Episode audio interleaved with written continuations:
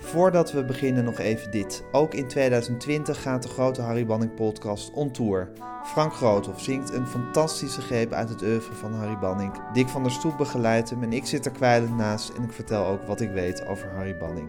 Kom ook kijken in het theater. Het is echt heel erg leuk. Voor de speellijst ga naar degroteharrybanningpodcast.nl Dit is de 24e aflevering van de grote Harry Banning podcast. Ted van Lieshout werd geboren in 1955 en is schrijver, dichter en kunstenaar. Hij is opgeleid aan de Kunstacademie, maar heeft daarnaast ook altijd geschreven. Er zijn tientallen boeken van hem uitgekomen, zowel proza als poëzie, voornamelijk voor kinderen, maar ook voor volwassenen. Zijn werk is vele malen bekroond met allerlei soorten prijzen. Vanaf midden jaren 80 schreef hij voor Sesamstraat. En vanaf het begin van Klokhuis in 1988 behoorde hij bij dat programma tot de vaste schrijvers. Zodoende werden vele van zijn teksten op muziek gezet door Harry Banning. Ted van Lieshout, goedemorgen. Goedemorgen. Bedankt dat je me wilde ontvangen hier in je prachtige huis in de binnenstad van Amsterdam. Nou, je bent hartelijk welkom, Gees. Dankjewel. Uh, weet je nog wanneer je eerste liedje... Schrijf je eigenlijk liedjes of schrijf je gedichten? Ik denk allebei. Het eerste liedje dat ik schreef, ja. denk ik... en dat is dan ook meteen het eerste gedicht in een andere taal dat ik nog weet, was in het Engels. Ik denk dat ik een jaar of acht was en dat ik erachter kwam dat uh, er ook andere talen bestonden. En Engels, dat was dus een andere taal. Dus heb ik meteen het eerste gedicht geschreven. Dat was eigenlijk ook wel een liedje in mijn uh, optiek. En dat ken ik ook nog uit mijn hoofd. Wil je dat ik het uh, Reciteer? Ja, heel graag. Roses and tulips.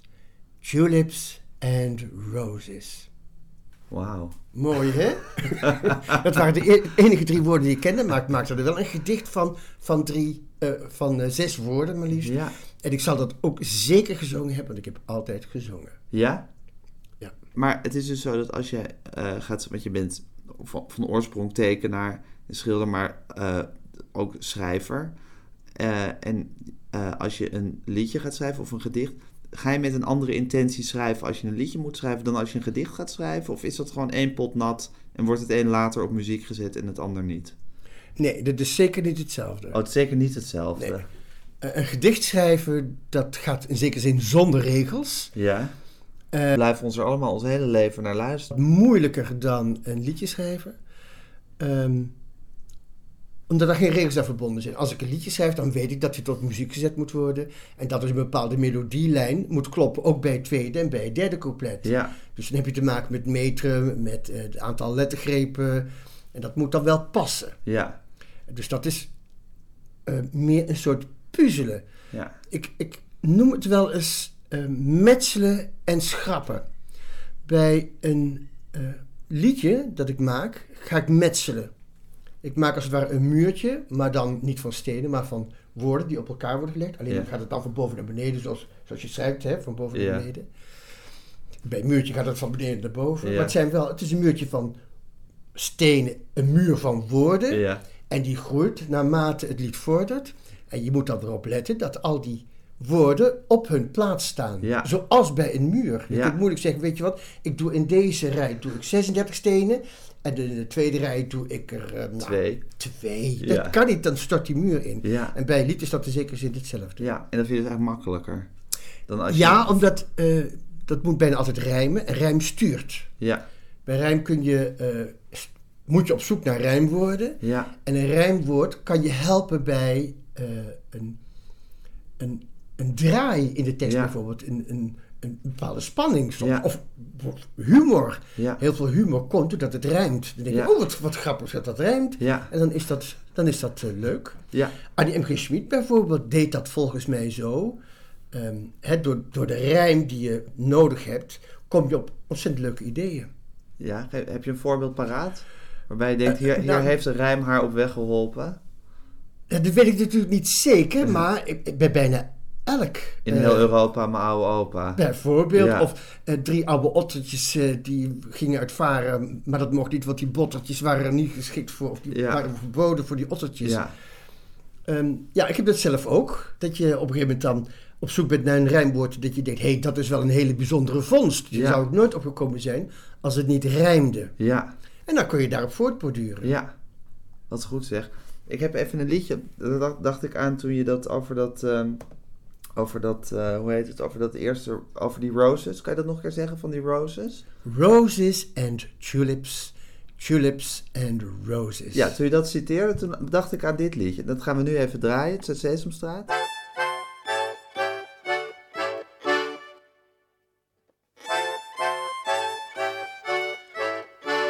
Soms vergeet ik wel eens dingen als een naam of een adres.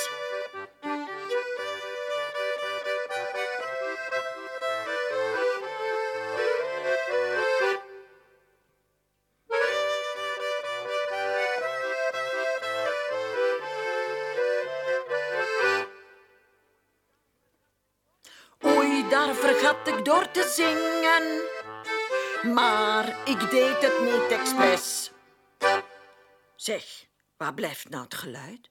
Oh, het liedje is al uit. Paula. Paula Die tussen was ik vergeten. Die wist ik niet meer. Die wist je niet meer. Nee, maar dat vind ik nog steeds wel erg leuk. Dat is toch leuk? Ja, Dit hartstikke moet leuk. samen met Roses and Tulips moet het wel een van je kortere liedjes zijn. Eh, ja, dat denk ik wel. Ja, Ja. ja. ja, En maar hield er juist heel erg van als je volstrekt ametrische, eh, niet rijmende, weet ik veel wat teksten instuurde, toch? Dat durfde je toch niet bij hem? Dat durfde ik best, maar dat, dat kon ik niet over hard verkrijgen. Oh nee? Nee, dat Jij bent ik- toch zo, als je, als je een liedje gaat schrijven, dan schrijf je een liedje. Ja, dit moest wel professioneel. En De anderen doen het ook professioneel, daar niet van. Maar mijn, mijn gevoel van professionaliteit is dat je een perfecte tekst aflevert. Ja. En je mag wel eens smokkelen met een lettergreep, maar je mag niet te onregelmatig zijn. Nee? Nee, dat vond ik dat dat niet kon. Ik heb Maar het, ben ik op een gegeven moment wel wat gaan doen toen ik in de gaten kreeg dat hij dat liever had. Ja.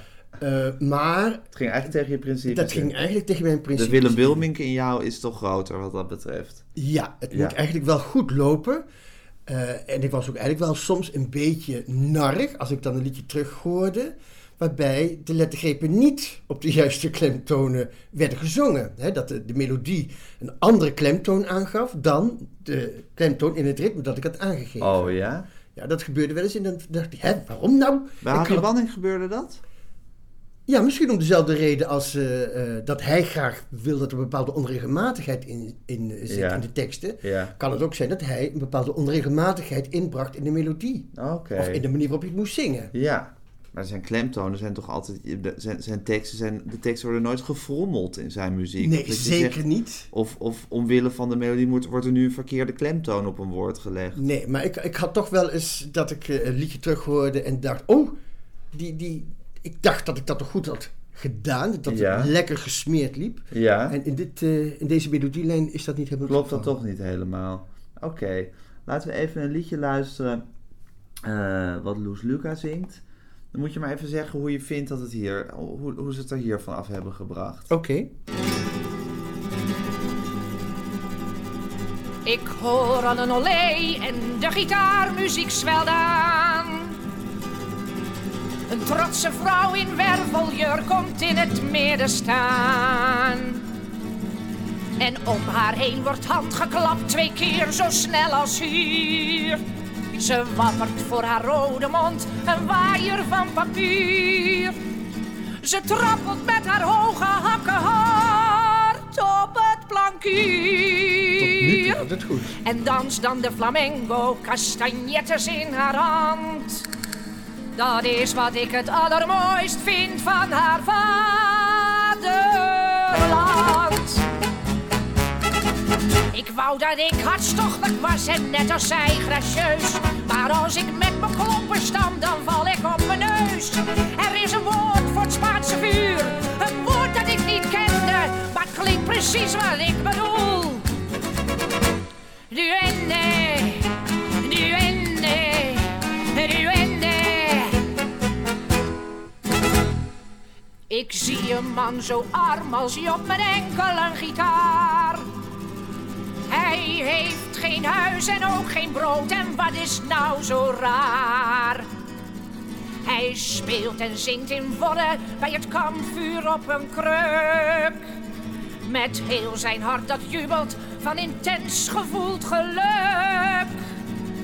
Hoe kan dat hart nou jubelen? Hij zingt, mijn hart is stuk.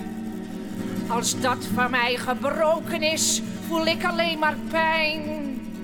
En kan ik niet tegelijkertijd ook nog gelukkig zijn. Er komt misschien ooit iemand die me diep van binnen raakt. En die het Spaanse vuur dat in mij sluimert wakker maakt. Hoe kan het anders dat het woord als dat van mij herkende? Ik weet dat ik het in me heb. Duende, duende, duende. Nou, hier ging het eh, heel Uitstekend, toch? uitstekend. Ja. Maar ik hoor wel, ook in dit liedje, dat er toch een bepaald iets wringt. En dat ligt niet aan de muziek, maar dat ligt aan de tekst. Ja? Je bent niet tevreden? Eh, eh, jawel, ik ben, wel, ik ben tevreden over de tekst. Ik ben ook tevreden over, over de muziek. Ehm, maar ik merk wel dat er in de tekst iets wringt, waardoor je merkt dat Loes ehm, bij wijze van spreken moet, goed moet lezen wat er staat, om goed te onthouden wat er allemaal niet gezegd wordt. Ik heb wel de neiging om complex te doen, om vrij complexe teksten te schrijven. Ja. En dan was dit lied nog veel complexer dan, eh, dan je het nou hoort, want er is een heel com- couplet uit weggelaten. Dus Oh, het, was, ja? het was veel langer. Oh ja? Ja, achteraf denk ik, daar hebben ze gelijk in gehad dat ze dat eruit hebben gehaald. Het was lang genoeg. maar Toen was je boos. Eh, nou ja, eh, eh, boos dat niet, maar ik heb wel in, mijn, in, een, in een boek wat ik heb geschreven de, de hele tekst gezet. Ja, precies. Nee. Een ander geestelliedje en een favoriet van mij is Bij en Bij. Zul je even luisteren? Helemaal goed.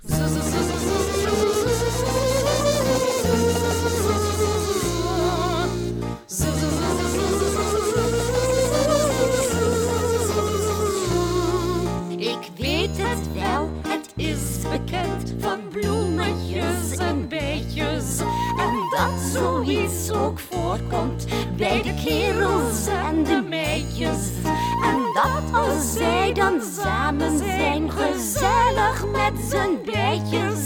Het zaadje van de ene zoekt naar de andere haar eitjes.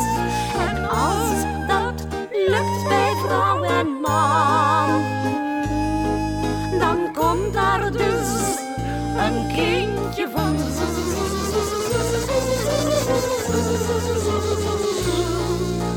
Wat als je een bloem bent en je houdt niet zo van bijen?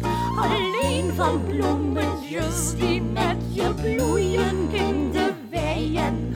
Zo heerlijk naast je geuren en je kunt er maar niet bij. En nooit eens als man en vrouw gezellig samen kunt gaan vrijen. Dan komt daar nooit een kindje van.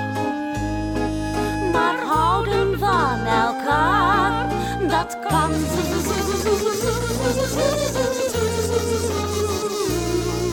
En wat als je een blij bent en je valt niet zo op bloemen, terwijl je van een andere bij juist wel tevreden gaat zoemen. Moet je dan maar die liefde voor die andere bij verbloemen? Of moet een bij die bij een bij wil zijn die bij benoemen?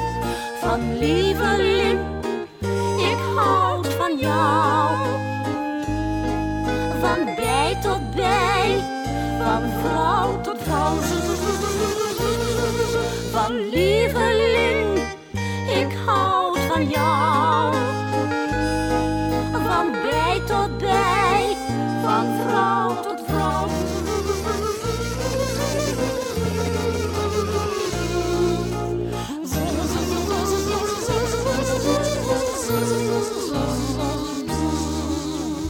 dat is heel leuk. Want je laat me nu, nu dus de, het boek zien waar het, of een verzamelboek van jou waar het in staat.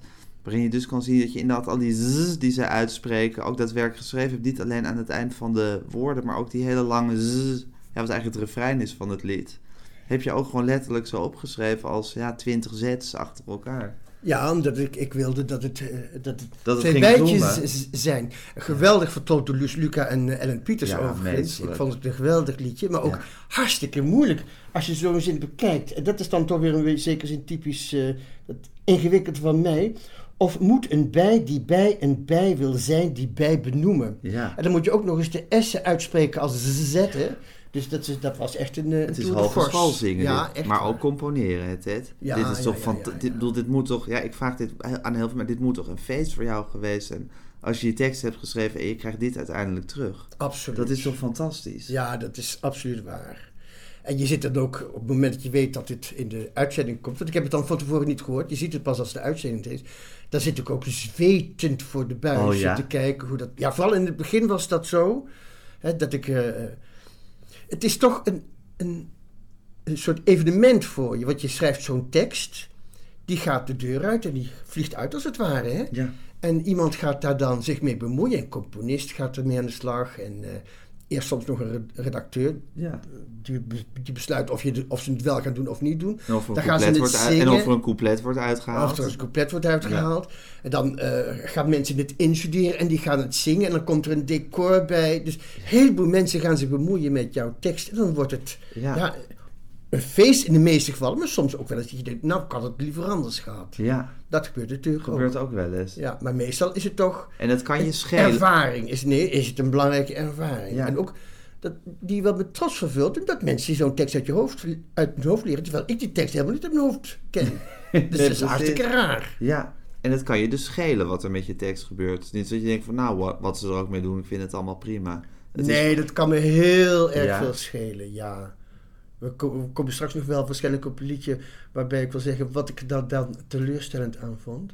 Oh, leuk. Ja, ja, dan? nee, liedje? nee dat, dat, dat, dat komt waarschijnlijk vanzelf wel ja, langs. dat weet ik Bovendien, ik wil, ik, helemaal niet langs. jawel, komt echt wel langs, want dan ga ik het er zelf over hebben. Ja, dat is goed. Maar we weten er zo meteen over. Je wil nu nog even in de gezellige zone blijven. Ik- nou ja, eh, ehm, Maar het kan je heel veel schelen. Het kan me heel veel schelen, maar dat heeft ook wel te maken, denk ik, met waar ik vandaan kom. Eh, de- die serie die jij nu aan het maken bent, die doet eh, voor mij heel veel. Ook omdat het een soort memory lane is. Ja. Ik, zal je, ik zal je drie dingen laten zien die ik heb. Die heb ik speciaal voor jou eh, Ja. uit, eh, uit mijn collectie Dit is gehaald. toch fantastisch. Dit zijn eh, drie singeltjes van Ja, zuster, nee, zuster. En voor, de, voor, de, voor sommige luisteraars moet ik misschien uitleggen wat een singeltje is. De meeste mensen weten wel wat een LP is, of een langspeelplaat. Ja.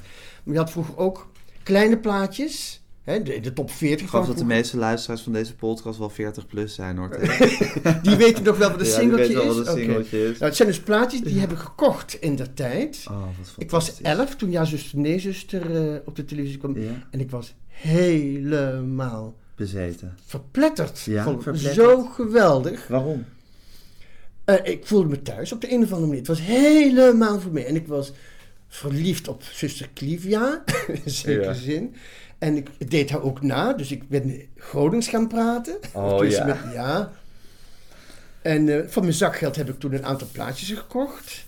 En Alsjeblieft. Ja, er liggen hier voor drie singeltjes. Ik wist eigenlijk helemaal niet dat Mini en Maxi een singeltjes waren. Dus ik had een vreselijk liedje gevonden. Oh nee! Ja, nee, Mini en Maxi, dat, dat verdraag ik niet, dat liedje. Mini Maar en ze, Maxi reden in een taxi. Hunt in de dunne. Nou, die kent het. Ja, omdat ik die plaat gewoon oeverloos vaak heb gedraaid. Van ja, dus, hij komt altijd wel voorbij. Maar ik heb een irritant lied gevonden. Oh nee. Muis in de supermarkt, de B-kant, is dan weer een van mijn lievelingen. ja, dat is Van mijn Ja, lieveling ook. Dat is jouw absolute lieveling. Ja, van dat Ja, is mijn nee, Maar dat moet je straks nog maar eventjes opzoeken en eh, laten horen. Want dat is is in de hele serie nog niet te horen geweest.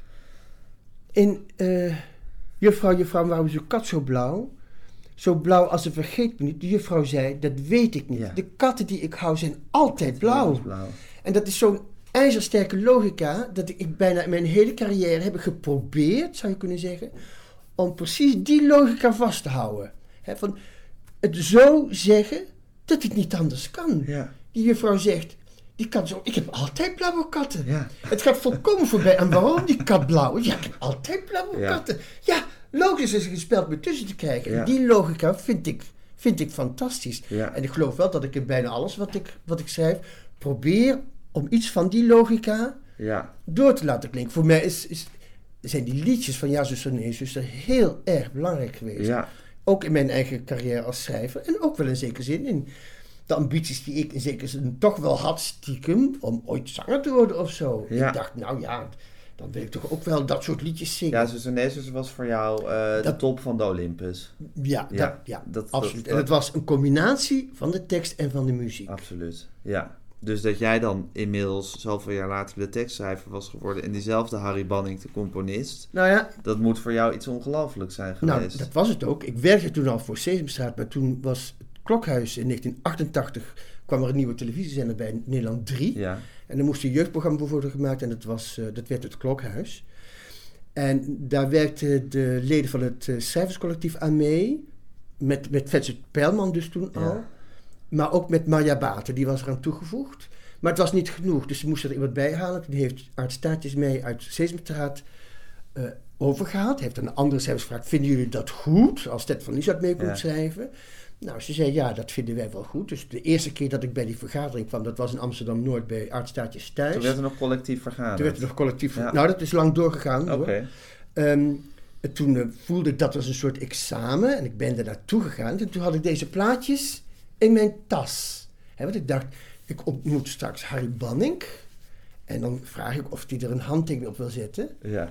Want ehm Annie M. Heb ik wel eens ooit in de verte op een boekenmarkt zien. Maar die vond ik totaal onbenaderbaar. ja. En Harry Banning zou ik nou te zien krijgen. Als, als collega, als gelijke. Ja, dus eh, die kwam daar en eh, het leek net of het de chauffeur van Willem Wilmink was. Want het was heel onopvallend. Maar dat is niet het eerste, voor de eerste keer dat je dat hoort in deze serie.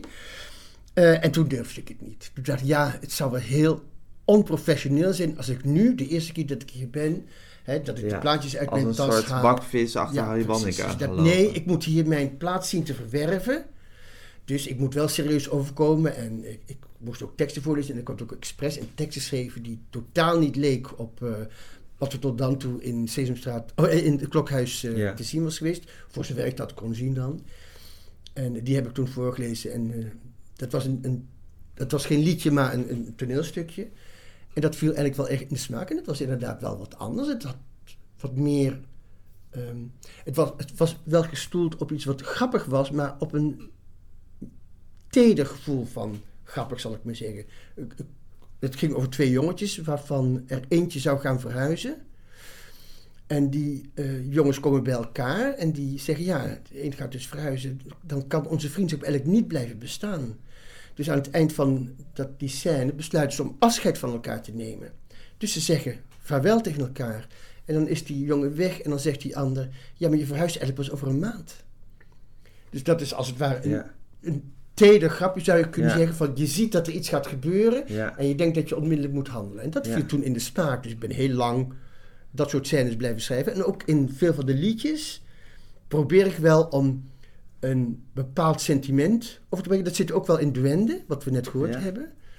Ehm, een, een bepaald smachten, zou je kunnen Ja. zeggen. En dat zit wel in heel veel van de liedjes die ik heb geschreven. ja. De liefde, het smachten, ook het, eh, je, je eigen plek voelen. En dat was anders dan bij het je... verlangen naar geestdrift. Naar, Ja, dat was, naar- dat, was, dat was een beetje anders dan eh, bij het schrijverscollectief. Het schrijverscollectief bestond ook een beetje, en dat gevoel had ik ook wel een, eh, enigszins, eh, het oude jongens krentenbrood. Hè, Het waren allemaal mannen, een soort Kees de Jongens, Ja. zou je eens kunnen zeggen. Hè?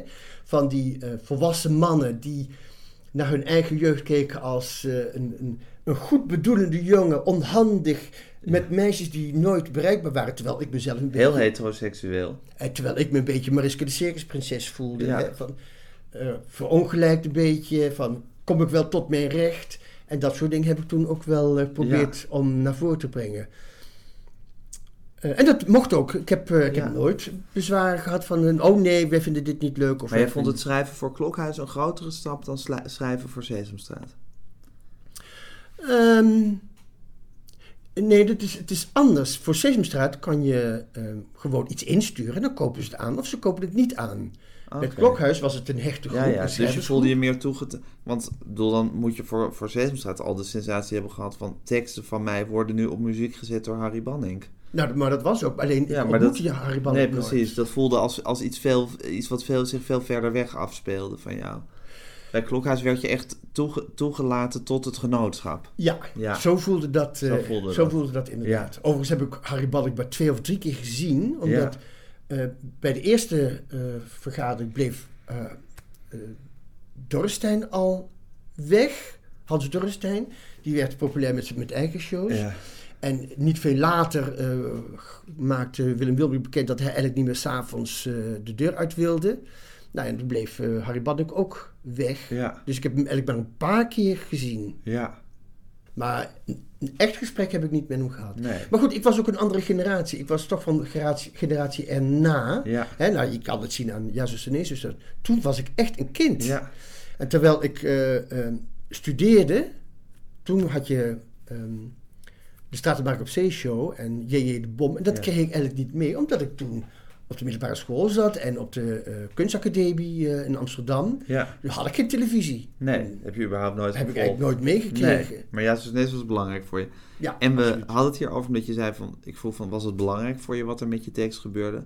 Nou, het was wel degelijk belangrijk, want Absoluut. dit, bedoel, dit, dit, dit was een evenement in jouw leven als er zo'n liedje op muziek werd gezet en dat Ja. je daar een beetje bij ging horen. En, eh, Ja, dat, Ja. Vond, ik, eh, dat vond ik eh, heel belangrijk. ja. Even een liedje van jou. We eindigen wel met de muis in de supermarkt zo meteen, of we gooien er zo meteen doorheen. Maar over dat, eh, over dat verlangen. Ik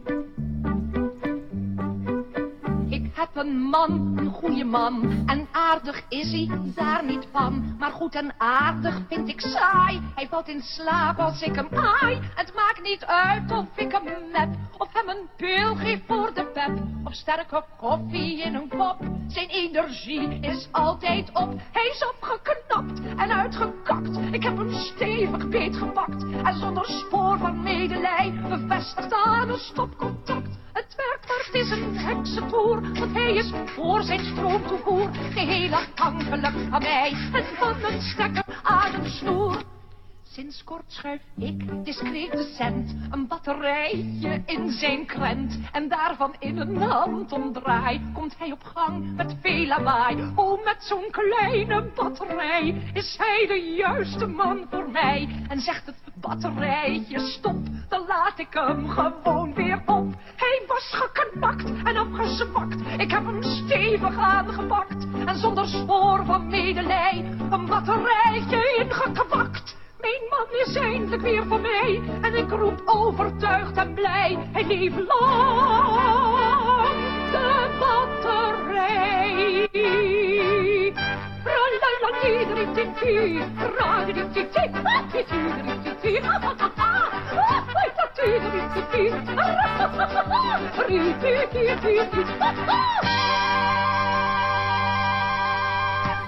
Nou, dit is niet wat ik bedoel. Oh, dit is wel wat ik bedoel. Oh, ja, Ja. Dan hebben we het over twee verschillende dingen. Ehm, we, we komen dadelijk waarschijnlijk wel aan een, een liedje wat ik, wat ik meer bedoel. Dit, is- dit is, vind ik meer in de, in de trant van... Hè, je krijgt een onderwerp. In dit geval was het batterijen. Absoluut. En dat je daar een, een, een vrolijk liedje van maakt. Ja, dit maar vond ik trouwens wel gewaagd. Eh, daar, daar zit jouw jouw hele onderwerp, eh, keuze of, of, of wie jij bent, zit daar ook in. Absoluut. Als je een liedje over een batterij maakt, dat gaat toch ook weer over verlangen, lust, eh, het, het, het aankrijgen van elkaar, hoe je weer tot Ja. leven kan komen, eh, seksueel dan. Ja, dat is... eh, Ja, maar dan zou je, dan zou je nu eigenlijk... ik weet niet of je dit hebt. Heb je Hoe Diep? Ja, dat is, en dat is meer wat ik bedoel. Ja, dat snap ik, dat dat is hoe jij het bedoelt. Maar dat neemt niet weg dat dit er ook bij hoort. Ja, absoluut. En dat is ook het leuke dat je... En dit zou ook een, een Annie Schmid liedje geweest kunnen zijn door Connie Stewart gezongen. Ja, ja, ja, absoluut. Het is Ik denk inderdaad dat dat- waar dat jij meer, dat jij dichter in, jouw in jouw gevoel en ook in je ironie, dichter bij Annie Schmid ligt dan bij die mannen van het Cijferscollectief. Zeker. Ja, Dat is beslist ook want jouw Sesamstraat liedjes zijn ook heel ironisch. Eh, ja, eh, dat vind ik ontzettend leuk eh, om ehm, eh, mensen te laten gaan voor het eigen belang. Hè? Dat ze Ja. jokken, liegen en bedriegen. Ja, precies. En, dat doen ze uit eigen belang. Ja, Hè? precies. dat zien ze wel. Dat Ja. vind ik ontzettend geestig. Ja, Hè? Nou, bijvoorbeeld die drie weeskinderen wat je Ja, in een andere... Bert Plagman Bert Dat zijn kinderen die doen zich voor alsof ze hele arme kindjes zijn die op hun blote knietjes moeten strompelen door het leven. En dat doen ze omdat ze cadeautjes willen hebben van Sinterklaas. precies. En dat vind ik heerlijk om Ja. te schrijven. En dat is eigenlijk dit met het batterijtje ook in zekere zin zo. Ja. Hè, Uit eigen belang willen ze, ja, die vent om Precies, aan de gang tot leven komen. En ik dacht, nou, misschien vinden ze dit bij het klokhuis wel te ver. Maar nee hoor, dat, dat komt allemaal makkelijk. En ik heb eigenlijk nooit, maar een paar keer is het zo geweest dat de liedje is afgewezen. En dat was nooit omdat het te ver ging, maar ja, om andere redenen. Bij Klokhuis. Bij Klokhuis, ja. Ja. Bij Sesamstraat zal dat misschien ook wel eens gebeurd zijn, maar ik denk het eigenlijk niet. Nee, ik geloof dat zelfs het eerste liedje wat ik voor Sesamstraat schreef, dat het het wakker worden lied was, eh, dat had ik erin gemoffeld omdat ze eigenlijk geen liedjes wilden. Maar ik dacht, ik wil het toch. Dus ik had er in een scène had ik een liedje erin gemoffeld. Over eh, een wakker worden lied dat je, dat als je nou niet wakker wordt, dan ga ik, eh, dan ga ik je slaan. Ja. Hup, hup, uit je bed jij. Ja. en dat, nou, dat, dat kon Zeg wat Harry ook zo leuk op muziek heeft gezet. Laten we het even luisteren.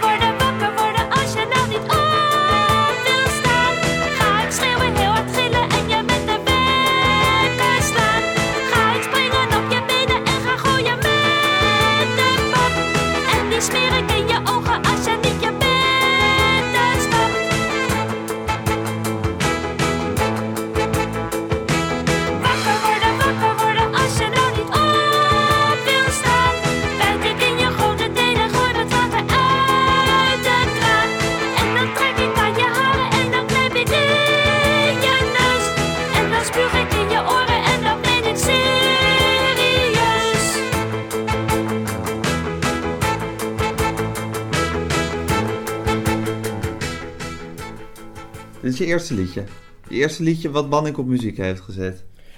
Ja, ik, Ja. ehm, in de begin 80 jaren zat ik in een bandje met een vriend. Ja. En ik had op de kunstacademie had ik wel in de gaten dat ik misschien terecht zou komen in de kinderboekenwereld. Dus ik had een, een aantal versjes geschreven. Ja.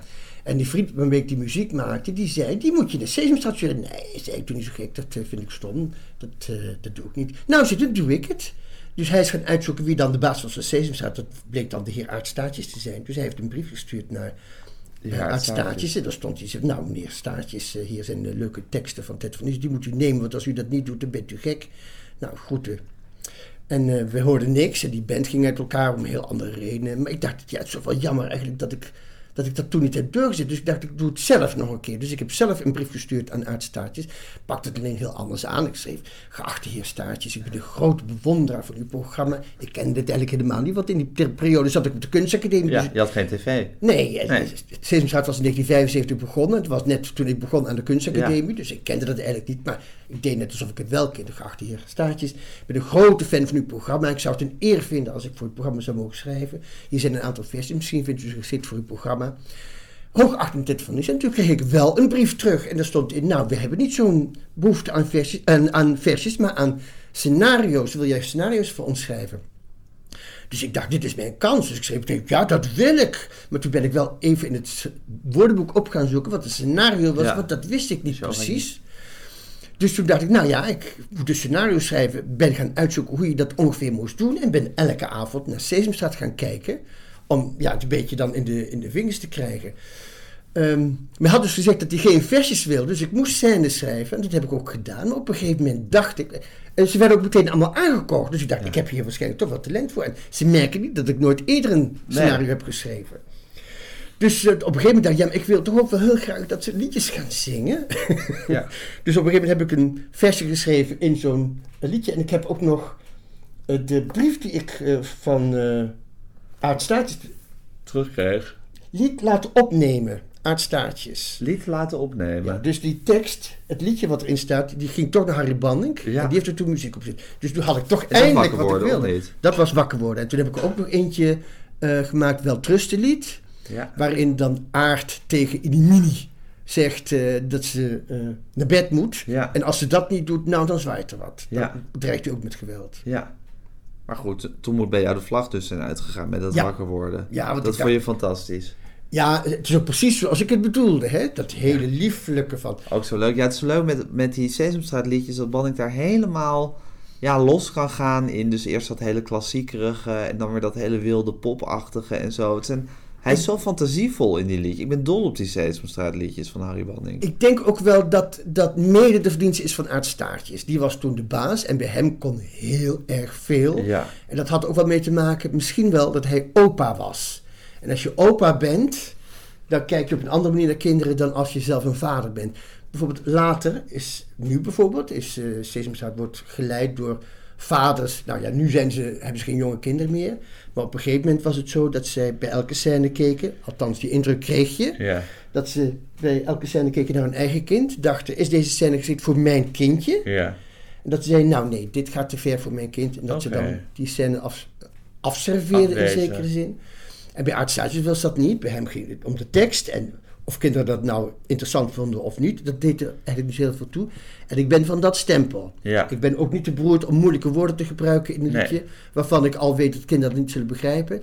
Ik weet zeker dat als ze het willen weten, kunnen ze het vragen. En als ze het niet weten, kan het heel goed zijn dat ze over tien jaar ineens met dat woord op de proppen komen op het moment dat het Precies. op zijn plaats Het valt. is heel goed om af en toe een beetje iets over hun hoofden heen te doen. Heel erg goed voor ja. kinderen. Oké. Ja. En Aart Staartjes die voelde dat heel, of die zat ook heel erg zo in elkaar. ja, ik kon wat dat betreft geen betere baas als het ware bedenken dan hij. Nee, er was veel liefde voor aard. Nou, ook ve- veel gedoe altijd om aardstaartjes, maar ook wel veel liefde voor aardstaartjes. Hè, van Hij is professioneel, is hij geweldig. Ja, Tenminste voor mij. Het, het, het, eh, bij hem was het zo dat als ik een scène instuurde, ja, als ik niks terughoorde, wist ik dat hij het niet aankocht. En kreeg ik contact, dan wist ik dat hij het goed vond. Hm. En later, bijvoorbeeld Joost Prinsen werd op een gegeven moment de baas bij het klokhuis. ja. Ehm, kreeg je veel meer discussies en ehm, heen en weer ge, geschrijf in zekere zin over Moet wat het niet zo, moet Nee. het niet zus. En dat, dat lag mij minder. Ik, had dan, ik was dan eigenlijk meer geholpen met of je koopt het niet of je koopt het wel, maar eigenlijk Ja. geen tussenweg. Ja, precies. Niet gaan zitten sleutelen nog aan. Nee, nee precies. Nee. Eigenlijk niet. Even kijken, dat hoe diep. Dat is dus een belangrijk, dat is een prachtig liedje, maar leg eens uit. Ehm, Is dat het liedje waar je ontevreden over was ook of niet? eh, n- ik was daar zeker niet ontevreden. Het is een prachtige muziek, maar ik was wel ontevreden over iets anders. Want zo, dat ligt in mijn aard. Ik ben wel een Oh zeker. ja, ik ben een ontzettend zeker. Oké, Ja, dat ja. moet je er even bij zeggen. Ja, Ja. Waar ik wel eens jaloers op was, was dat ehm, eh, andere schrijvers, dan hoorde je het liedje terug en dan kregen ze er toeters bij en bellen en violen. En wat bij mij vaak gebeurde, was alleen maar piano. En nou snapte ik wel waarom dat was. Er was een gebrek aan geld en soms ehm, kwam Dick van der Soep gewoon naar de Ja. studio en dan namen ze zo'n liedje gewoon live op. Daar bestaan dan geen banden van, maar gewoon, het werd gewoon live opgenomen. En met de piano kan dat makkelijk. En je neemt bijvoorbeeld, ehm, even kijken, ehm Die, eh, Oké. eh, Groothoff, Frank Groothoff. Oh, Frank- oh, de Hoe kan ik nou die naam vergeten? Hebba. Ja. Nou goed, Frank Groothoff. Wil Ik je heb- dat eruit knip? Nee, dat wel- fijn? Oh, dat kan je niet Ah, spelen. Dat, Zo wel, dat, trots vind ik wel, ook weer niet. dat vind ik wel vervelend, maar goed, eh, ik ben ook al inmiddels in de 60, dus eh, Precies. dus je ziet er nog uit als een jonge man, maar je vergeet wel af en toe een naam. Zoals nu Frank ja, ja, ja, maar ik, ik snap niet waarom ik dat nou vergeet, want het is een Ja. hele belangrijke vertolker van de liedjes van mij. Maar goed, het is, het is gebeurd en ik, ik ben nu door de mand gevallen, maar goed, eh, het moet mij Als maar een vergeven worden. oude man. Ik, ik, ik- heb al gezegd dat ik een zeiker ben, dus Maar nou goed, weet Frank. Groothoff? Ja. Die kan natuurlijk goed zingen. Ja. Dus die kun je eh, een liedje live laten vertolken zonder dat je bang hoeft te zijn dat je dat het allemaal over moet. Ja. Maar eh, ik vond het hartstikke mooi. Ja. En de melodie vond ik heel mooi, maar ik had er heel graag violen en toeters en bellen bij gewild. Maar ik denk dat het voor het lied en voor de tekst het beste was om het precies zo te doen zoals Harry Banneke het heeft gedaan. Dus je, je, je, Ik leg hem erbij je neer. legt je erbij neer. En van harte ook. Laten we het gaan luisteren. Het is een slechte geluidskwaliteit, want ik heb het van YouTube. Ja, ik Ik weet heb het. niet de... Er bestaat ook geen band van. Nee, waarschijnlijk. Er komt een dag dat ik besluit, geen schaamte om mijn kleren uit, je handen toelaat op mijn huid, al weet ik nog niet wie jij bent. Voorlopig schaam ik mij nog door, twee blote lijven vind ik goor, omdat ik nog bij niemand hoor, die het mijne al van buiten kent. Hoe diep gaat de liefde is de vraag. Hoe ver voorbij de randen, tot in mijn ingewanden, tot hart en lymfeklieren, tot botte bezen spieren, hou jij ook van mijn nieren? Of gaat de liefde toch misschien alleen tot wat het oog kan zien? Stel dat ik door een ongeval mijn lichaam niet meer voelen zal, ah jij dat lichaam dan nog wel? Of stopt de liefde bliksemsnel? Hoe diep gaat de liefde is de vraag. Hoe ver voorbij de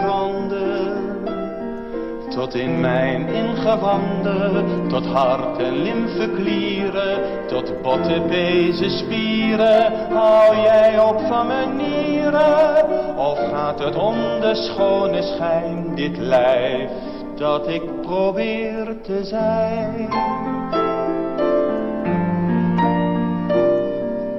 Stel dat ik door een ongeluk mijn been verlies, loop met een kruk.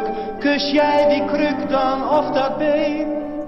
Of stopt de liefde dan meteen? Dat zijn vragen van belang. Voor de liefde ben ik bang.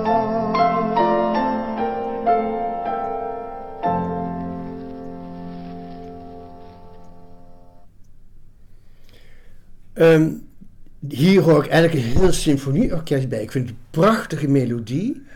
Dus ik zat daar zo nu dan wel eens bij te denken, oh, had, had je er violen bij gedaan? Maar goed, zoals ik zei, ehm, ik denk dat het zo eigenlijk wel het beste is, omdat de tekst ook vrij complex is. geweest met een symfonieorkest. Ja, maar- misschien maar was inderdaad het het geld was niet het voor. geld er niet voor. Ja. Voor, Of vond Harry het toch mooier zo? Dat kan ook. Dat vermoed ik wel. Ik denk dat hij daar misschien ook wel gelijk in had. Ehm, voor het boek heb ik wel de laatste twee regels weggehaald. Dat zijn vragen van belang voor de liefde ben ik bang. Dat heb ik weggehaald. Want dat vond je te letterlijk of zo? Dat, nou, dat vond ik eigenlijk niet nodig. Dus dat, eh, dat heb ik eh, uiteindelijk in het boek niet gebruikt. En dat, dat gedicht lees ik nog steeds heel vaak voor. Ik vind dat eigenlijk wel een gedicht, hoewel het is opgebouwd als een lied. Eh, maar ik breng het tegenwoordig eigenlijk altijd als een gedicht. Het is prachtig, hè?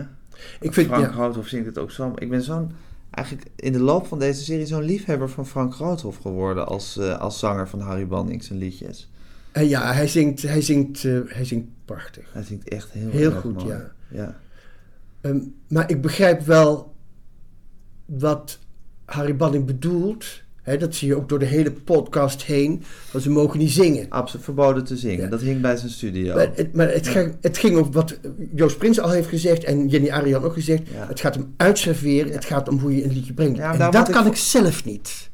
Nee. En, en, en mijn zingen, ik kan misschien wel een aardig, eh, aardig Ja. liedje zingen, maar ik kan het niet goed brengen. En Nee. zij kunnen het wel. Maar ik en moet heel zeggen dat ik had met acteurs... Frank dus altijd moeite, omdat ik dacht van het is inderdaad natuurlijk heel, het is geschoold en het is een beetje opera-achtig. Ja, En het is, eh dus dan van nou, nou, eh, maar ja, hij zingt, het, hij, hij zingt het wel echt heel mooi. En het is ook wel goed als die melodie een keer zo spatzuiver en perfect naar voren wordt gebracht. En ook de tekst eh, gewoon en heel... hij brengt het ook. hij het hij ook serveert het uit, inderdaad. En dat is zo ontzettend belangrijk. Ja. En dat, maar dat doen ze allemaal. Dat Nee, en dit liedje, Ted, was het, was het voor jou, is dit een worsteling geweest om te schrijven? Of is het... Nee, ik weet ook nog eh, dat we. Ik weet ook nog de documentaire waar het bij moest. Het, het was Schone Schijn was het thema.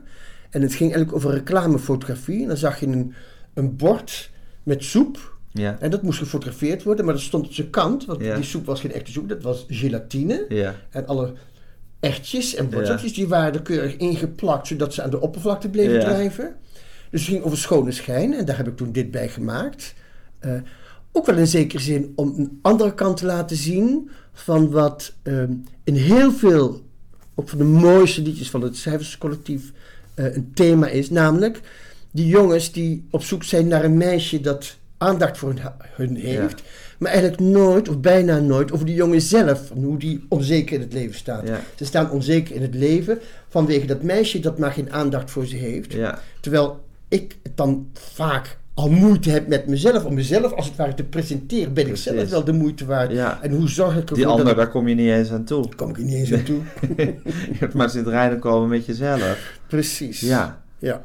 En dan, dit, dit, dit is neem ik aan helemaal hoe... Dit, dit zijn jouw gevoelens hier verwoord. Die je niet misschien nu meer hebt, maar die je toen had in ieder geval als, eh Nou, nou ja, als jonge man. ik verplaats mij natuurlijk wel in hoe kinderen ehm, eh, in de puberteit geraken en dan op een bepaald moment min of meer gedwongen zijn om eh, relaties aan te gaan. Hè? Je kan niet zeggen, nou ik ben, ik ben eh, 17 en ik heb nog nooit een vriendinnetje of een vriendje gehad. Nee.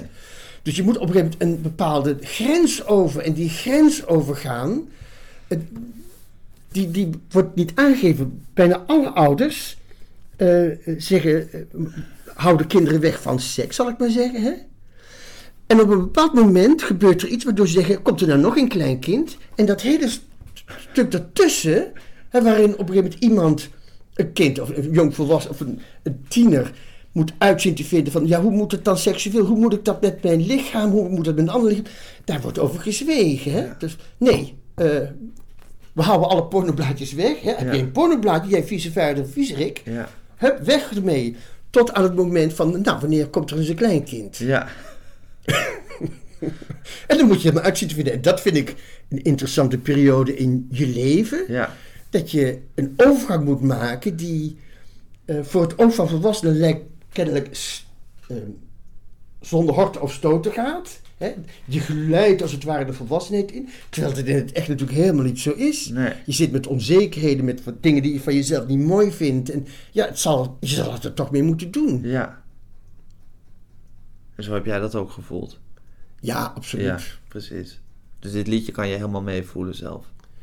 Ja, er zitten alleen een paar dingen in waardoor ik vind dat het het, eh, het gewone gevoel ontstijgt. Hè, van, eh, even kijken.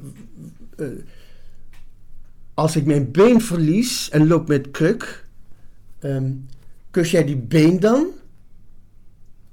Nou, nou, jeetje, nou ben ik het eventjes... eh, Zoek maar op. We zoeken het gewoon op. Het staat er in. verzamelde werk hier voor ons liggen. Even kijken. Stel dat ik door een ongeluk mijn been verlies en loop met kruk. Kus jij die kruk dan? Of dat been? Of stopt de liefde dan meteen?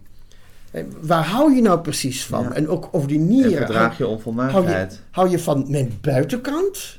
Maar, of hou je ook van mijn nieren, mijn hart? Ja, over het algemeen doe je dat niet. Nee. Het is de verschijningsvorm waar je van houdt. En natuurlijk hoe die, hoe die iemand zich gedraagt. Maar als dat been eraf is, hou je dan nog steeds van dat been? Of is het dat toch niet? Ja. Wat is de liefde eigenlijk? Ja. Nou, dat vind ik dan interessant om daar een lied over te maken. Maar Ja. dat, dat is dan ook meteen wel een voorbeeld van het complexe van, van sommige van de teksten die ik schrijf. Eh, Dat ik denk, ja, het is toch wel vrij ingewikkeld. En dan vind ik het ook wel leuk om daar teksten tegenover te stellen die juist heel grappig zijn en waar je niet al te diep over na hoeft te denken. Zoals dat batterijtje. Ja, maar jij, jij ziet er toch meer in dan dat ik in gelegd heb. Ja, tuurlijk. Maar goed, je kan jezelf niet verloochenen. Ook niet in een piepklein, Nee, nee, piepklein nee, grappig liedje. En gelukkig maar, anders zou, het ook, anders zou kunst ook saai worden. Ik heb ook, ik heb ook met heel erg veel plezier al die liedjes geschreven. Dat, eh, juist dat, dat wonder, dat mirakel dat ontstaat doordat je samenwerkt met iemand die je niet ziet. Hè? Ik lever de tekst en iemand maakt er muziek bij.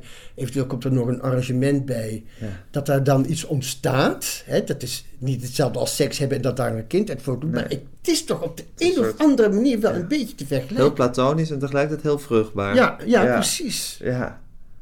Grappig, hè? Is dat ook, was het ook wel leuk dat, het zo, dat die banding bijna zo'n soort mystieke figuur was die je maar twee keer hebt gezien en eigenlijk nul keer echt gesproken? Jawel, want En ik die dan daar in dat bos en duin zo met jouw teksten in de weer ging. Ja, want ik was natuurlijk ook wel bang dat hij eigenlijk, dat als ik hem zou zien, dan zeg ik, nou, ik vind het eigenlijk niet zo'n goede tekst, maar ik heb het toch maar gedaan. Ja. Nu bleef het allemaal een beetje diffuus. Ja. En eh, moest ik maar zien, eh, hij deed het in ieder geval, hij heeft het niet geweigerd. Hij heeft nooit geweigerd om een liedje te doen. Althans, niet een liedje van mij. Nee. Dus daar ben ik ook al trots op. Ja. Grappig, hè? Wat een grappig En- proces, hè? En natuurlijk ontzettend trots dat hij ook de, de componist is van mijn, mijn jeugd. ehm, Idolen, zal Ja. ik maar zeggen. Hè? Annie M. G. Schmid en Harry Bannek samen. Ja. Al die liedjes die ik zo geweldig mooi Ja. vond. En dan heb ik het nog niet inschat over Het is over. En al die andere liedjes uit ook mijn tijd. Ja, Ja. Ook uit de Ja, zuster tijd. iets erna, maar dat... dat, dat, is ervoor. Het is over. Oké, Ja. Maar al die musicals waren... waren Daarna. De rest van de in die musical tijd. is Ja, ja, daarna. Ja. ja. Eh, ja, hartstikke mooi. Dat, Ja. Daar ben ik natuurlijk ontzettend trots op. Ongelooflijk. Zullen we nog even een mooie doen die ook Frank zingt voor Steeds om Straat? Lichtblauw kleurpotlood. Ja.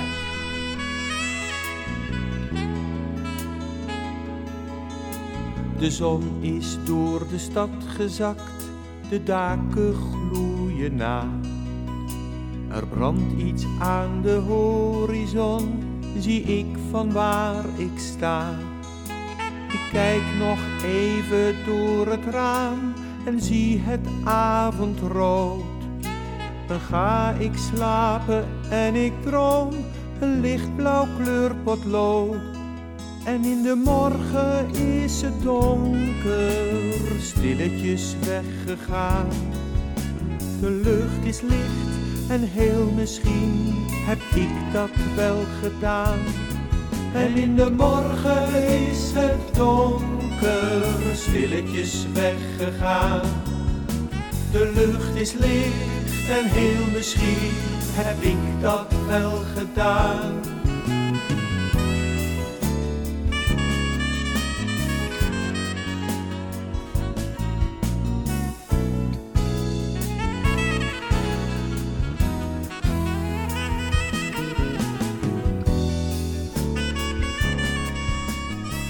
Steeds had ik vaak hele lange eh, instrumentale uitro's, omdat ze dan volgens mij nog iets met beeld moesten of zo, of een fade-out. Klokhuis is altijd heel afgemeten en steeds eindigt heel vaak met zo'n hele lange saxofoonsolo. Dan kunnen ze dat versnijden met de volgende scène. Want het het. was altijd een eh, soort Ja, collage van precies. ze. Maar goed, hier heb ik wel toeters bij gekregen.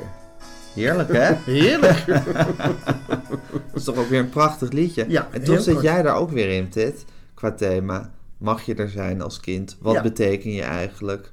Wat, Wat voor invloed kun je uitoefenen op de wereld kun je uit op de wereld? of ben je eigenlijk ben je maar een, een onbeduidend eh, miertje? Of ben jij degene die de, lichtblauw, die de lucht lichtblauw maakt? Nou, maar het is heel goed dat je dat zegt. Want zelf heb je dat niet altijd in de gaten. Ik Nee. denk zelf dat ik heel divers eh, werk. En dat, je, dat het allemaal een soort potpourri is. Ja. Wat helemaal niet bij elkaar hoort. En het is wel eens fijn als iemand anders dan zegt... Ja, maar ik zie toch wel heel duidelijk bepaalde lijnen ja. En dat is ook wat die Banning zo interessant maakt. Omdat je toch altijd afvraagt, waar zit Banning in al die liedjes?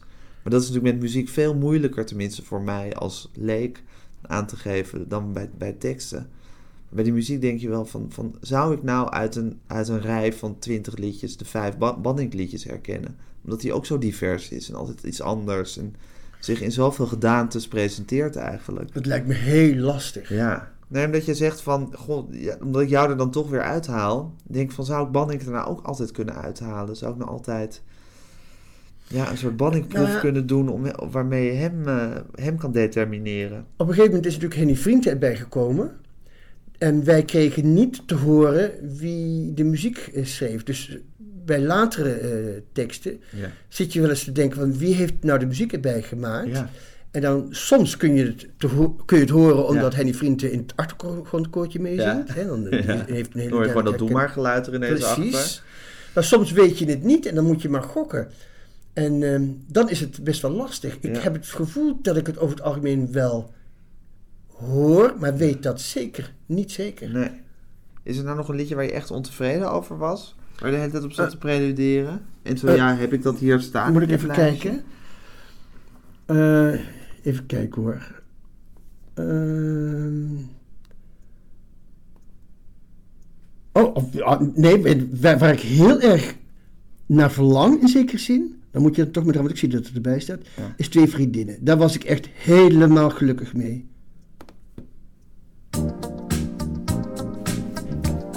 Van de jaren tachtig, hè? Kijk, ik heb haar niet gekozen. Het is een soort van zelf gegaan. Sylvia Millekam, hè, Op denk een ik. dag is het begonnen. Met Pieter. Zij kwam gewoon naast me staan. Nee, zij vroeg mij is nou... dit is Sylvia. Ja. Ze lijkt van op huiswerk. Of nee, wacht. Zij had toen een lekker band en ik heb haar naar huis gebracht. Ach wel nee, ze is bezopen. Echt, soms is ze niet goed snik. Zij voor mij gewoon de leukste, daarom was het. Och meid stik. Gaat ze katten? Nee, maar zij hè, zij haalt alles door elkaar. En zij zit altijd te liegen. Wat een maatje Oh, dak ze het, hè? ik heerlijk. Die vind ik helemaal geweldig. Altijd zit ze me te jennen. Nooit is aardig, nooit gewoon. Krijg nou gauw spontane bloeding. Wat een taal zeg! Oh, die toon! Nou, als ik opnieuw mocht kiezen, helemaal in het begin, koos ik dus, dat weet ik zeker, mooi een andere vriendin. Nou, ik ook. Dan nam toch gewoon iemand waar ik mee de stad in kon. Zoals nou, ik nog mascara. Ik heb nog een platenbom. Oh, dan gaan we nou meteen maar. Eerst mascara, dan die plaat. In die winkel, ach je weet wel. Waar die leuke gozerd staat. Ja!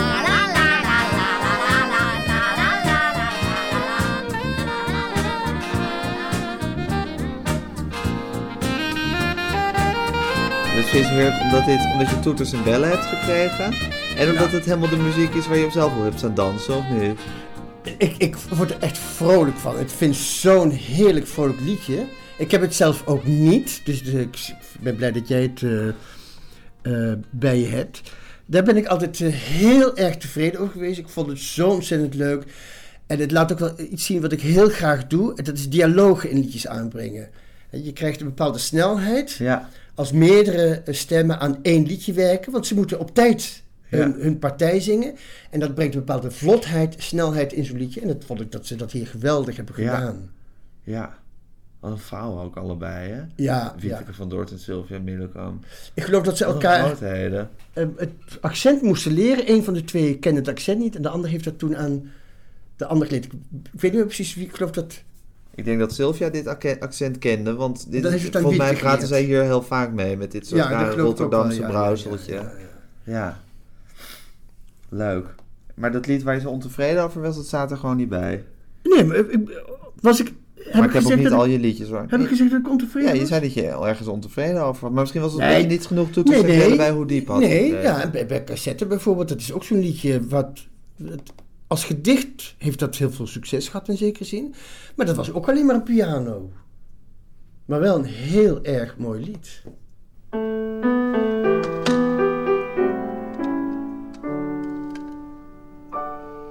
Ik vond cassettebandjes in een doos op zolder en wilde weten of er nog iets moois op stond. Toen hoorde ik ineens de stem weer van mijn vader, alsof die woorden rechtstreeks kwamen uit zijn mond. Hij zong een liedje over Edelwijs en Alpen. Ik denk dat hij het zomaar zelf verzonnen heeft. Ik schrok ervan, ik was geschokt, omdat mijn vader al sinds november 81 niet meer leeft. Tot nu toe had ik enkel maar een boek met foto's en ook een envelop waarop zijn handschrift staat. Hoe kan het nou dat ik zijn stem kan blijven horen? Dat hij bewaard kan blijven op zo'n apparaat? Zijn stem was toen het eerste dat ik ben vergeten. En toch herken ik hem bij het allereerste woord. Het valt me op dat hij een heel klein beetje sliste. Toch gek, dat heb ik toen hij leefde nooit gehoord.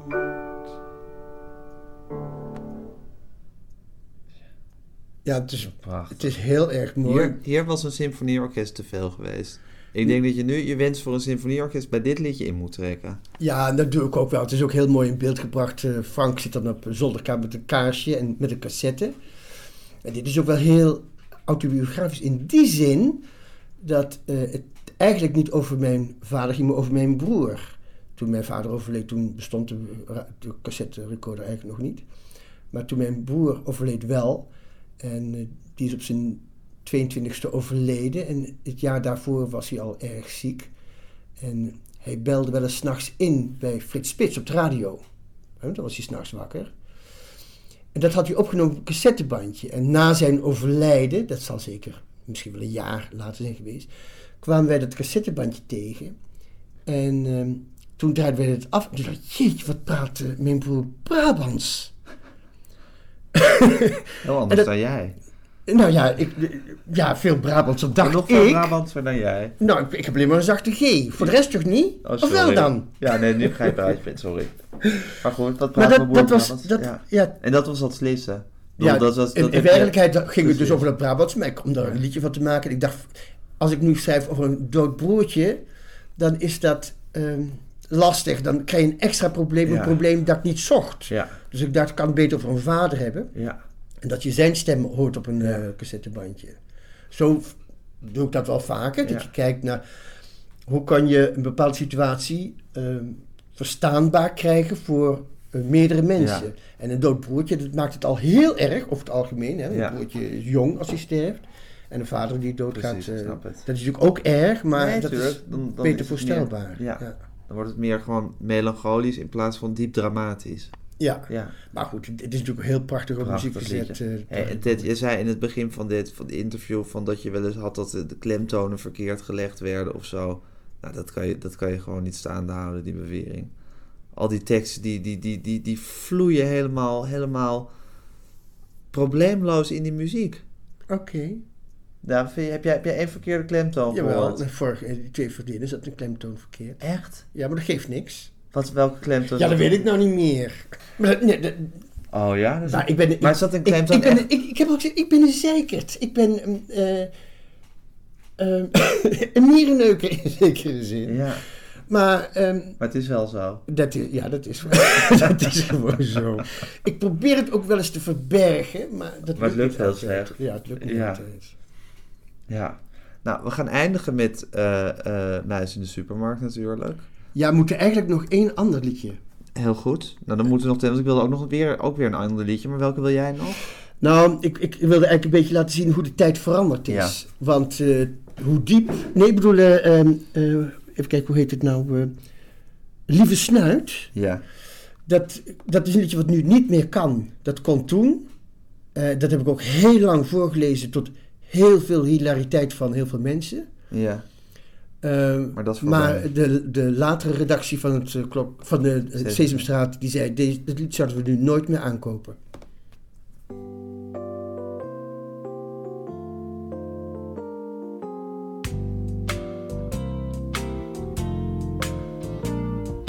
Als ik nou een hondje mag, dan zal ik nooit meer zeuren. Dan eet ik steeds mijn bordje leeg en ga op tijd naar bed. Maar als ik nou geen hondje krijg, dan zal er wat gebeuren. Dan gooi ik limonade op het pas geboend parket. Dan prop ik zeven rollen in het gat van het toilet. Dan zul je het betreuren, ga ik het gordijn afscheuren. Dan rook ik deze avond nog mijn eerste sigaret.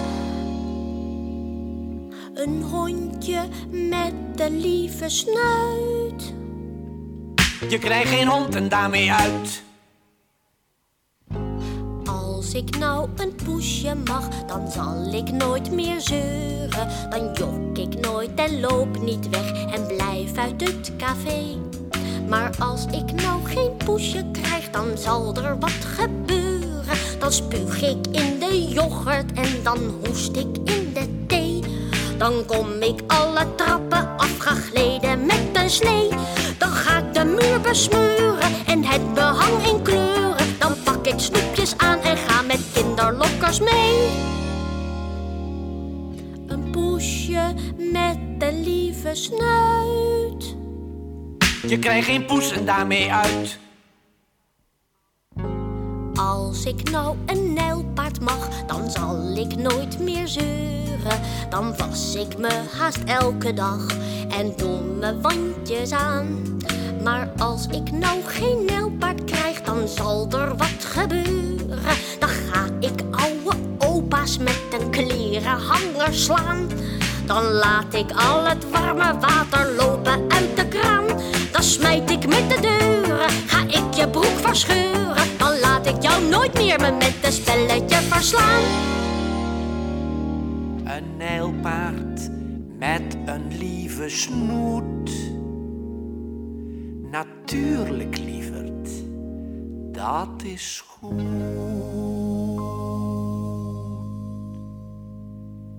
Ik zou dit ook niet meer aankopen. Nee, dat kan Nee, echt dat kan, dat kan gewoon niet nee, meer. Nee, nee, het is echt onverantwoord.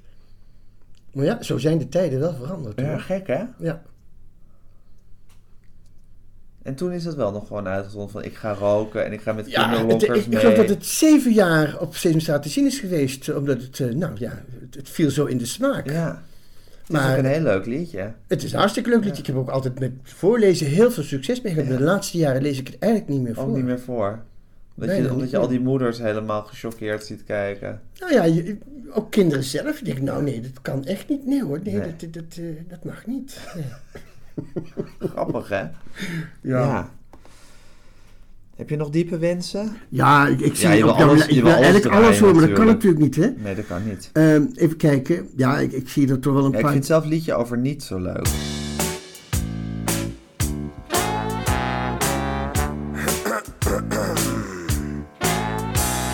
Zo, nou ga ik even zingen en het wordt een heel mooi lied. Is leuk, waar gaat het over? Ja, dat weet ik dus nog niet.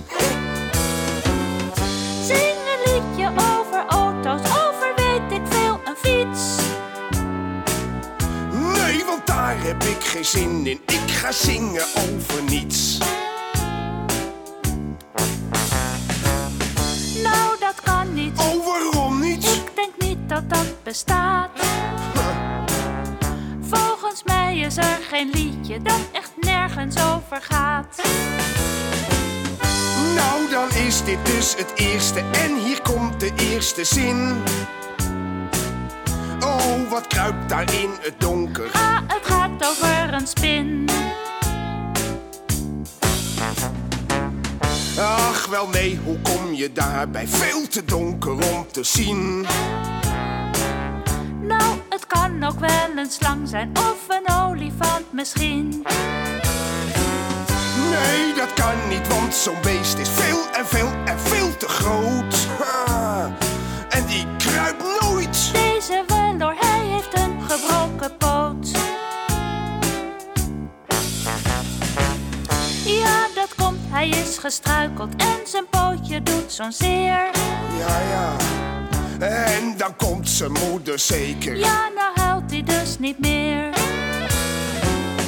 Zie je nou wel dat jouw liedje toch wel ergens over gaat? Huh? Nee, want jij hebt het gezongen. Het is jouw liedje. Inderdaad.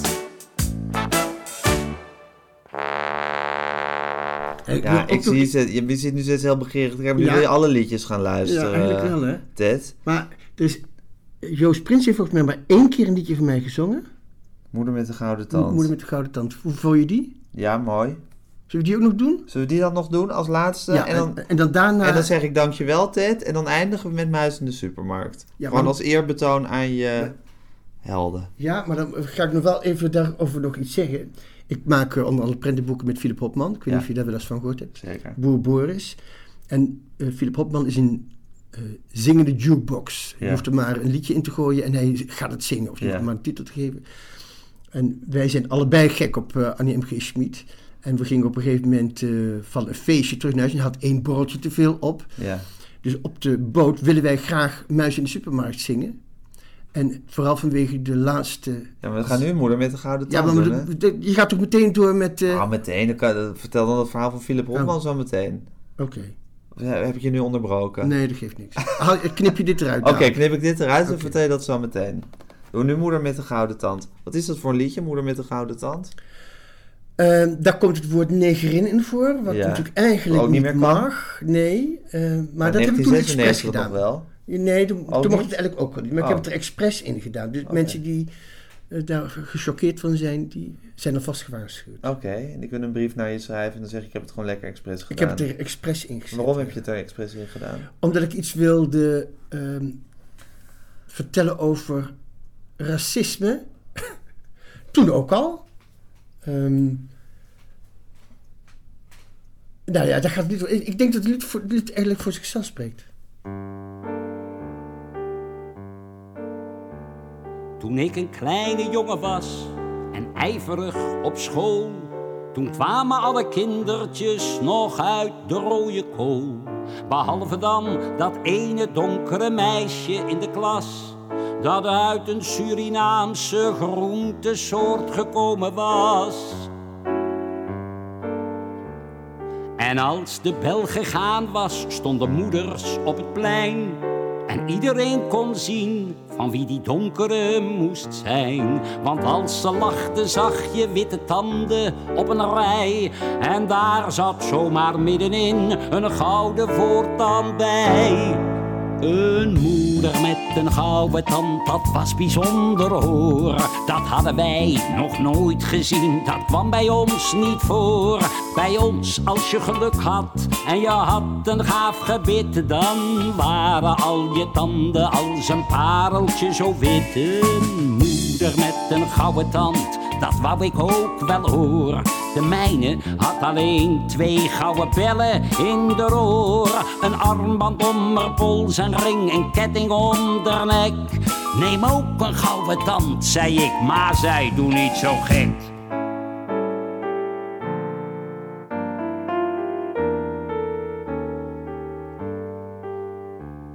Toen ik een grote jongen was en school ging op de fiets, werd de wereld anders, al veranderde er niets. De moeder met de gouden tand stond als vanouds op plein te wachten op haar jongste en voor ons vertrouwd te zijn. We zwaaiden en ze lachten en we zagen op een keer tot onze grote schrik. De gouden tand was er niet meer.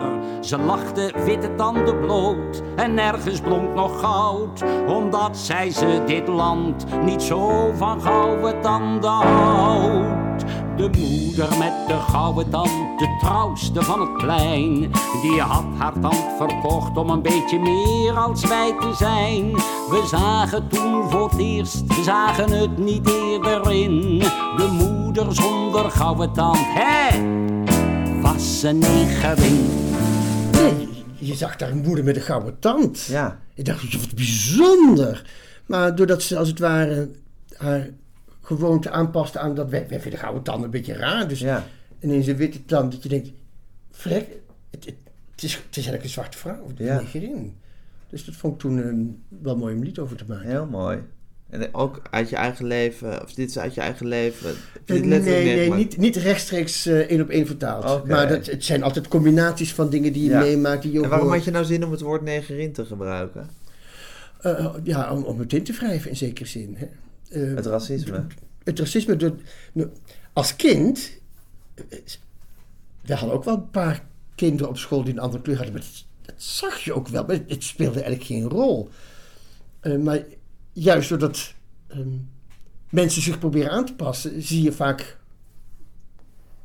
Hier kom ik volgens mij niet meer uit. eh. ik, het- we het gevoelsmatig houden. Gevoelsmatig dacht ik, het moet zo. En dat doe ik natuurlijk Ja. vaker bij, bij liedjes. Dat je niet alles beredeneert, maar dat je er ook intuïtief dingen in stopt waarvan je denkt, ja, zo moet het. Ja, En als het intuïtief niet goed eh, overkomt bij jezelf, dan haal je het er weer uit. ja precies. Maar nu dacht ik, ja, het moet erin. Ja, En bij het klokhuis zei ze, nou, dat laten we er ook in. ja, Gaan we afsluiten nu? zeker. Met Muis in de Supermarkt. Heerlijk. Vertel nog eens even een verhaal over Muis in de Supermarkt. Nou, ik eh, maak eh, boeken over Boer Boris met de tekenaar Philip Hopman. En hij is een zingende jukebox. Je hoeft maar een titel te noemen en hij gaat het zingen. Ja, En wij zingen graag, en het is heel vervelend, want hij kan dan de tekst en ik moet dan. da, da, da, da, da, da, Want ik zing dan wel graag mee, maar ik ken de tekst niet. En wij hebben allebei een grote liefde voor liedjes van eh, Annie M. G. Schmid. En ons favoriete lied is Muis in de Supermarkt.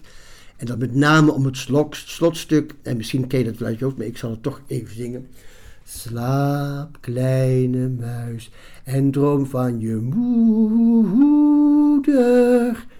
achter de puddingpoeder. En dat zingen we dan tweestemmig. En nu weet niemand volgens mij meer wat puddingpoeder is. Want dat volgens mij verkoopt ze zelf niet meer.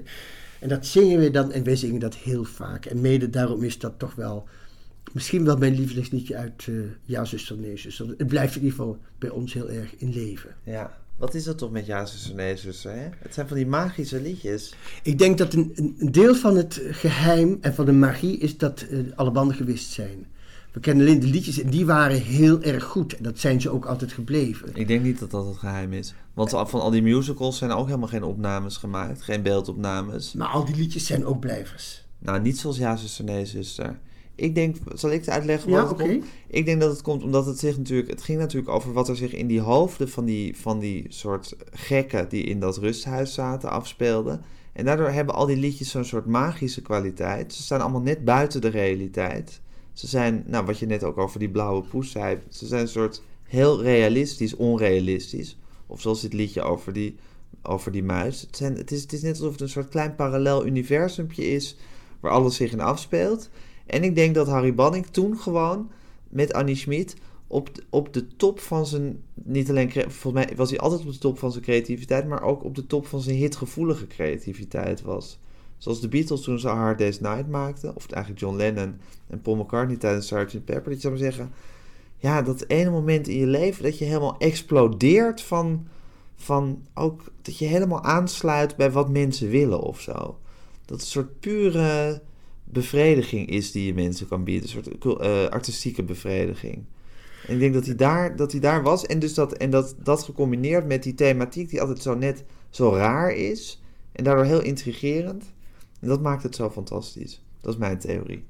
Ja, nou, dat zou heel goed kunnen. Het was natuurlijk een, een platonisch, eh, perfect huwelijk wat zij Ja. hadden. Maar ik denk er ook, ook wel dat meespeelt dat, eh, dat Dat het, geheim, is dat het, gebleven. geheim, het geheim een beetje is eh, vergroot door het feit dat, dat we die serie niet meer kunnen zien. Dat die liedjes er zijn gebleven. En dat we waarschijnlijk nu zouden zeggen, als we de, de, het, de aflevering zouden zien, jeetje, wat langzaam. En dat, daar hebben de liedjes geen last van. Nee, de liedjes zijn super kort allemaal. Ja, iedereen verlangt ernaar eigenlijk, omdat er ooit nog eens een band boven water komt waarop zo'n aflevering staat. Ja. En misschien is het maar goed dat die waarschijnlijk nooit gevonden wordt. Die liedjes blijven Ja. altijd. En we blijven er allemaal ons hele leven naar luisteren, Ted. Absoluut. Jij ook, hè? Ik wel hoor. Ja, ik ook. Dankjewel.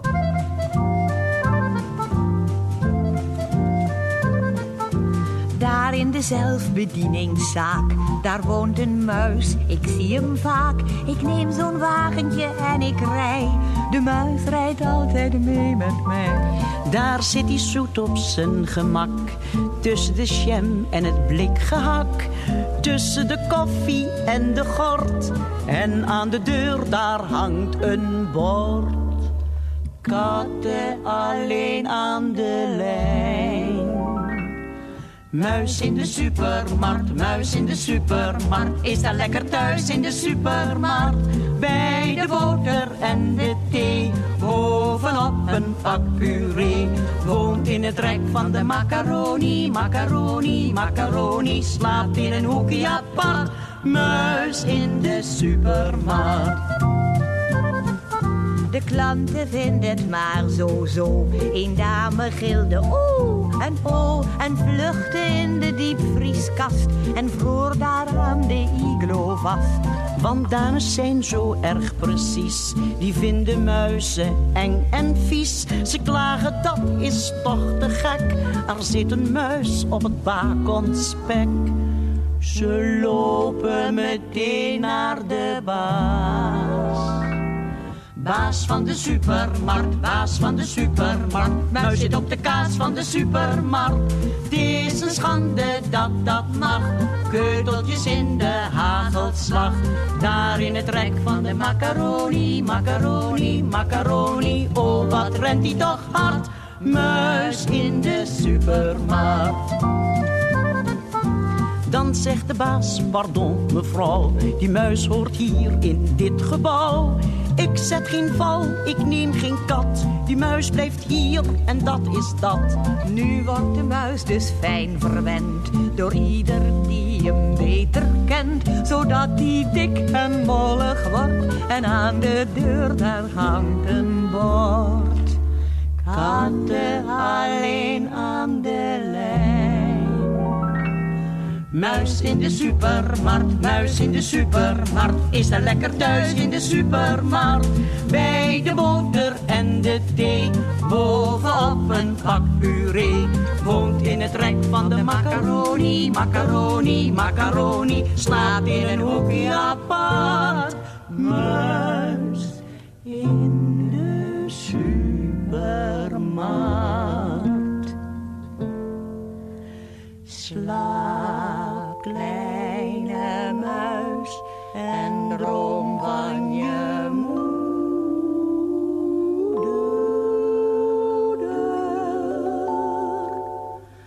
Achter de puddingpoeder. Dit was de 24e aflevering van de Grote Harry Banning podcast met Ted van Lieshout.